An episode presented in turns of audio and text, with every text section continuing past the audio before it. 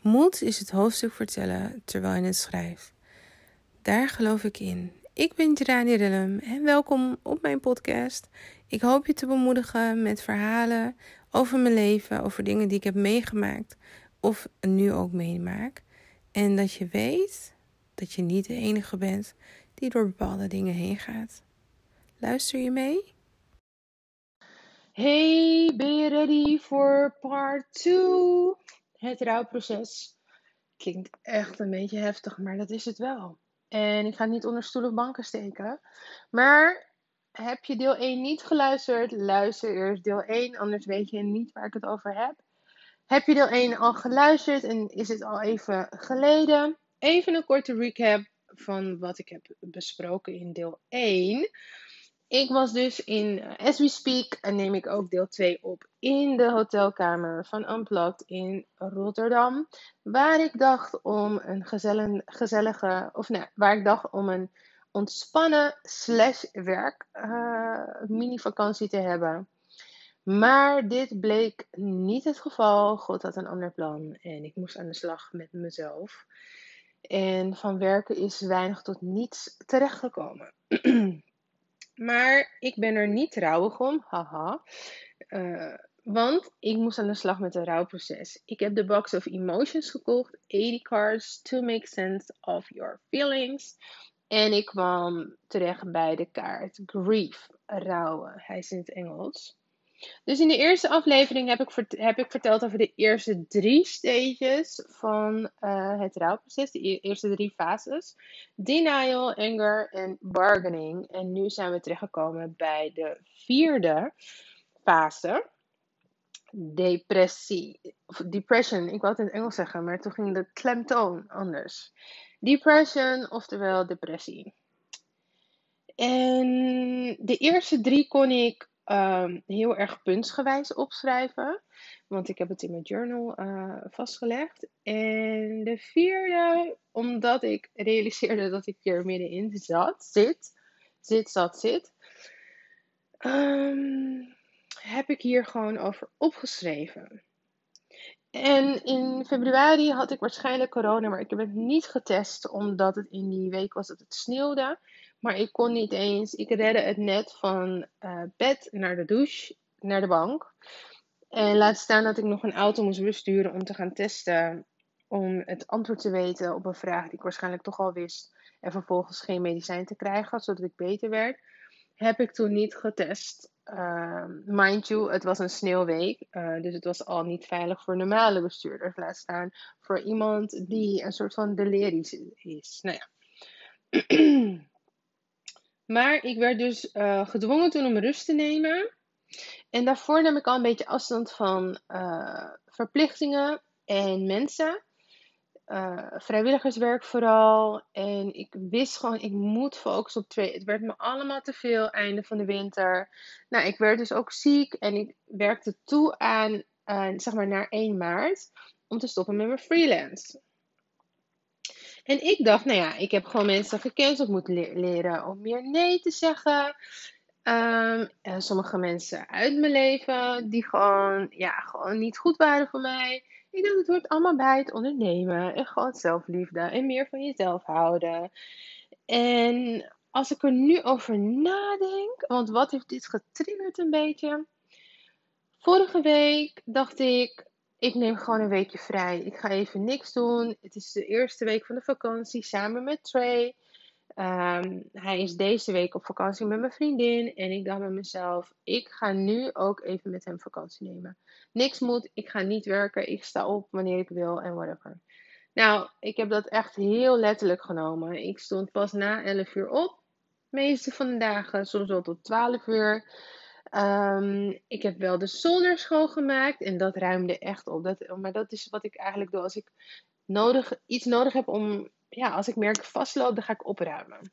En dan ruimt, om dat fysieke opruimen, merk ik ook dat in mind ook opruimen. Dus ik ging echt ontspullen. Ja, allemaal heel erg goed bezig. Gedoneerd aan de uh, tweedehandswinkel. Allemaal kleren die ik ehm, misschien volgend jaar pas en misschien ook niet. Maar ik dacht, iemand kan er nu echt profijt van hebben. Voor misschien 2 euro zit ik dat hier in mijn kast te houden. Nou,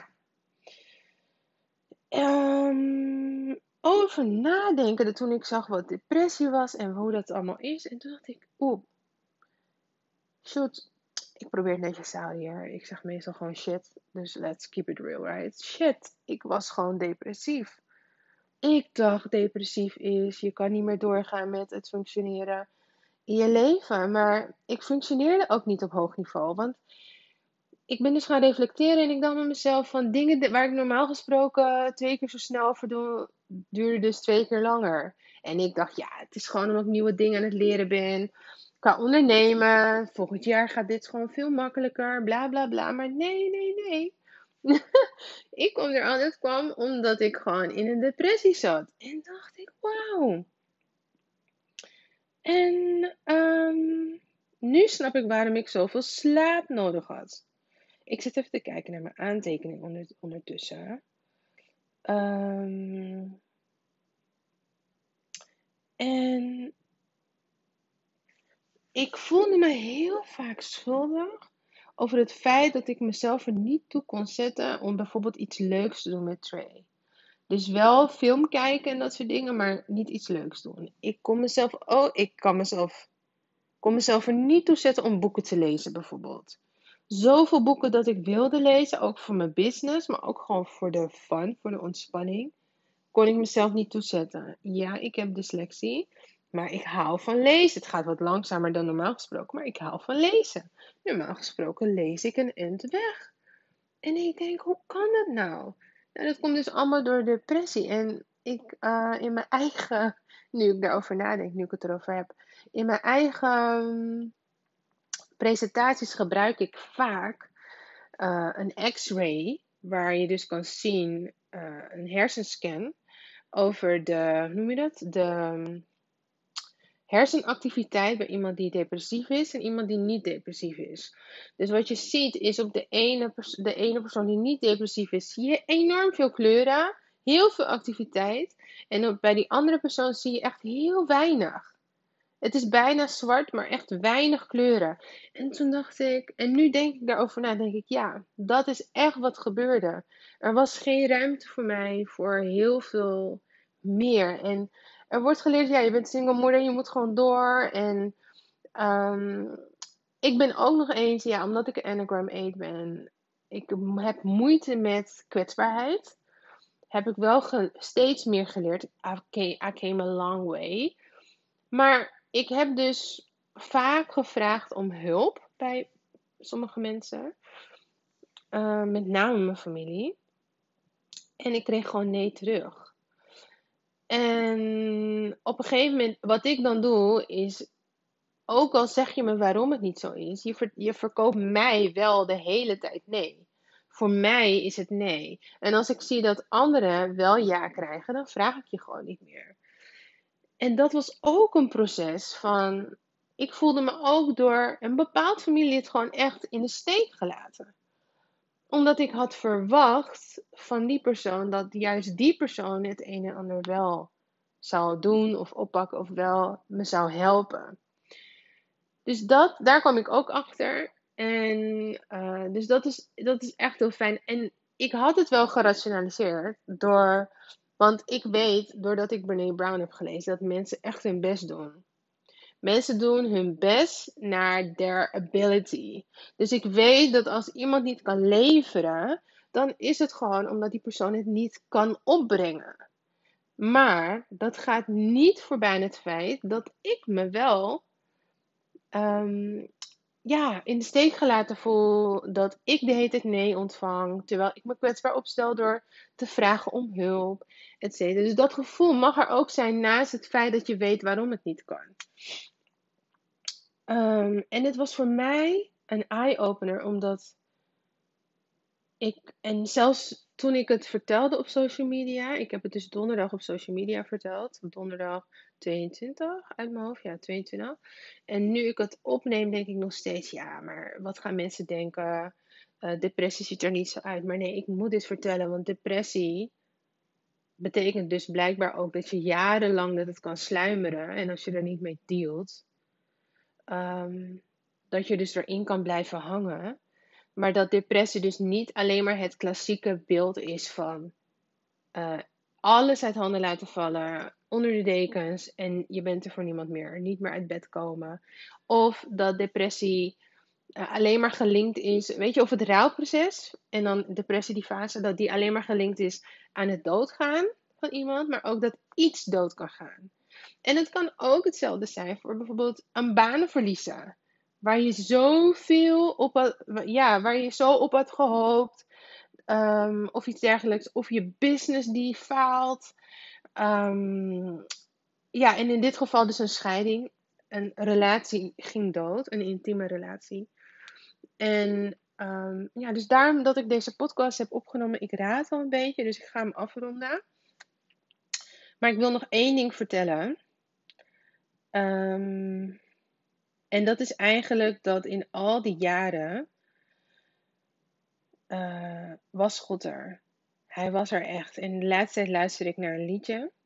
En daarin zingen ze: Ik ben bij je in het water. Ik ga met je door het vuur. Ik bescherm je voor gevaren. Ik blijf bij je in de buurt. En ze zingen: God tilt je op met onzichtbare armen. Onzichtbare armen. Hij laat niet los. Hij laat je niet vallen niet dieper vallen dan hij kan vangen. En elke keer als ik het luister, overvalt zoveel. Overvalt, kijk, um, echt een gevoel van rust. En de angst kan er gewoon niet meer doorzetten als ik dat luister. En ik ben heel erg dankbaar dat ik er nu zo achter kom op deze manier. En ik heb ook echt mezelf beloofd dat ik niet meer toelaat dat ik halfbakken dingen uitzoek. En normaal gesproken doe ik dat niet, maar als het komt op mezelf, op emoties en op wat ik wil in het leven, hoe ik in elkaar zit, um, deed ik dat voorheen wel tot 2015. En nu zie ik gewoon die groei van zelfliefde, zelfacceptatie, maar ook mezelf leren kennen en weten dat het oké is hoe ik ben gemaakt en hoe ik in elkaar zit. En dat we allemaal anders zijn, is dat prima, maar voor mezelf is het zo, en ja, ik wil je er echt mee bemoedigen. Het is zo belangrijk voor jezelf om jezelf te accepteren hoe je bent. En het staat los van waar je bent. Dus de manier hoe jij gemaakt bent, hoe jij in elkaar zit, accepteer dat. En dan kan je groeien van ongezond naar gemiddeld naar excellent en healthy. En dat is een proces, want we maken allemaal dingen mee. Allemaal, want we leven in een gebroken wereld, maken allemaal dingen mee. Maar het begint met accepteren wie je bent. Niet wat je doet of waar je heen kan gaan of dat het allemaal beter kan. Nee, maar jij bent. Jij bent. Jij bent gewoon. Jij bent. You exist. Oké? En nou, ik ga afsluiten met een bemoediging van Jill Scott. En ik luister dit elke dag eigenlijk. En het bemoedigt mij zo en het vertelt, het reflecteert zoveel van waar ik doorheen ben gegaan. En het is: Hey Queen, sister, you have done it again. Constantly raising the bar for us all and doing it flawlessly. Was just thinking about you and I wanted you to know personally that you are exactly where you need to be on this journey. So take a deep breath, okay? Relax. Extend yourself a little grace. I know that it can be challenging, life, but never lose sight of who you are because you are golden. And don't get me wrong, I know that everything ain't for everybody. There are gonna be some doubters and some naysayers. But don't let those fools on the sideline get in the way of your greatness. Take pride in who you are. Your style, your smile, your peaceful mentality. And remember, always remember, you are 100% that queen. Oké. Zo doet ze het ook. En voordat ik afsluit, vergeet ik de vijfde fase van rouw is acceptatie. En acceptatie ziet er voor iedereen anders uit. Maar het begint met accepteren. Het is inderdaad over. Ja, je was boos. Ja, je was in denial. Ja, je was aan het onderhandelen. Je zocht je weg hieruit door uh, genoegen te nemen met minder. Ja, je was depressief. And that's okay. It's okay to be weak sometimes in life. It's okay. You don't always have to be so strong, girl, or man, or other. En dus de vijfde fase is acceptatie. En ik denk dat ik nu eigenlijk op die rand balanceer van depressie en acceptatie. Maar het feit dat ik de theorie erachter ken en dat ik ermee aan de slag kan gaan, maakt al enorm veel los. En op Instagram, sinds ik het had gepost, zoveel mensen in mijn DM. Zoveel mensen die zeiden: Oh, wat moedig dat je dit deelt. Wat fijn, we moeten het er meer over hebben. En dat is echt zo. Dus ik wil je ook bemoedigen om jouw verhaal te vertellen. En om te accepteren wat is gebeurd. Niet wat is, maar wat is gebeurd. Maar ook waar je nu bent. Because you're exactly where you need to be on this journey. It's een reis. Het leven is een reis. En het is de kunst om door te gaan, ook al moet je kruipen over je buik, over de vloer. Elke dag een stukje meer. Ook al heb je gisteren of afgelopen week in bed gelegen en wilde je helemaal niks doen. Ook dat is blijkbaar nodig. En ook dat is vooruitgang. En vooruitgang zit voor iedereen er anders uit. Dus omarm jouw proces.